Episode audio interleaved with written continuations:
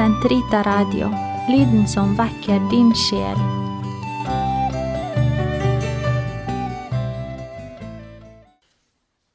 Den katolske kirkes katekisme på ett år. Uke to. Fredag. Fra tredje hoveddel Livet i Kristus.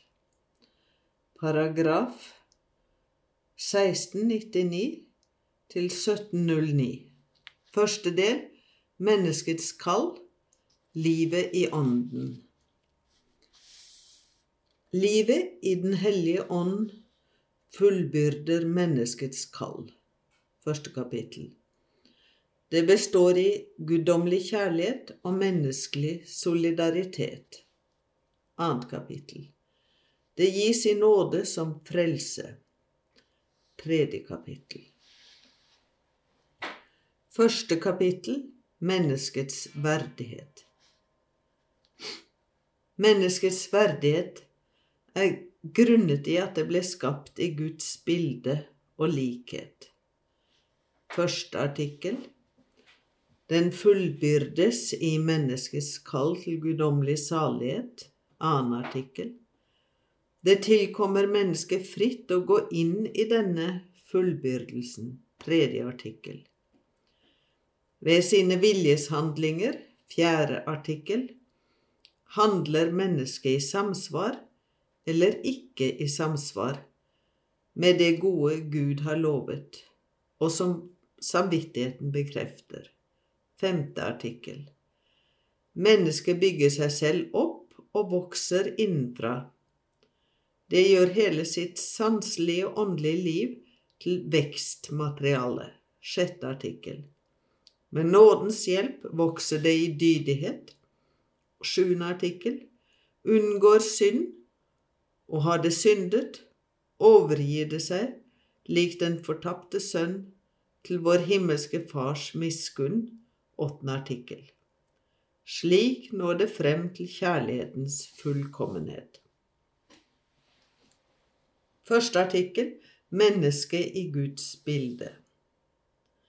Ved å åpenbare mysteriet om Faderen og Hans kjærlighet viser Kristus mennesket hva mennesket er, og legger dets høye kall for dagen. Det var i Kristus, den usynlige Guds bilde, mennesket ble skapt i Skaperens bilde etter hans lignelse. I Kristus, gjenløser og frelser, ble det guddommelige bildet som i mennesket var blitt vansiret ved den første synd, ført tilbake til sin opprinnelige skjønnhet og foredlet ved Guds nåde. Guds bilde finnes i hvert menneske. Det stråler frem i fellesskapet mellom mennesker, som er en lignelse på enheten mellom de guddommelige personer. Jf. annet kapittel. Mennesket, utrustet med en åndelig og udødelig sjel, er den eneste skapning på jorden som Gud har villet for dens egen skyld. Allerede fra unnfangelsen av er det bestemt for evig salighet. Mennesket har del i den guddommelige ånds lys og kraft. Ved fornuftens hjelp er de i stand til å forstå tingenes orden slik Skaperen har fastlagt den. Ved viljens hjelp er det av seg selv i stand til å strekke seg mot sitt sanne vel. Det når fullkommenhet ved å søke å verdsette det sanne og det gode. I kraft av sin sjel og forstandens og viljens åndskrefter er mennesket utrustet med frihet, et prektig tegn på Guds bilde i mennesket.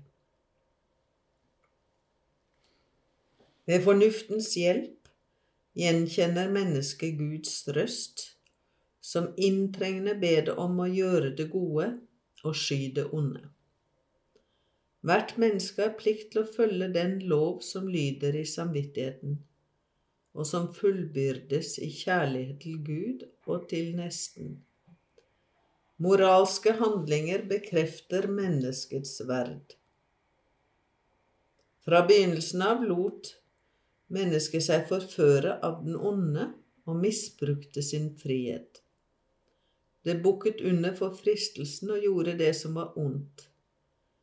Det har bevart lengselen etter det gode, men menneskets natur bærer sårmerker etter den opprinnelige synd. Det har hang til å synde og feile.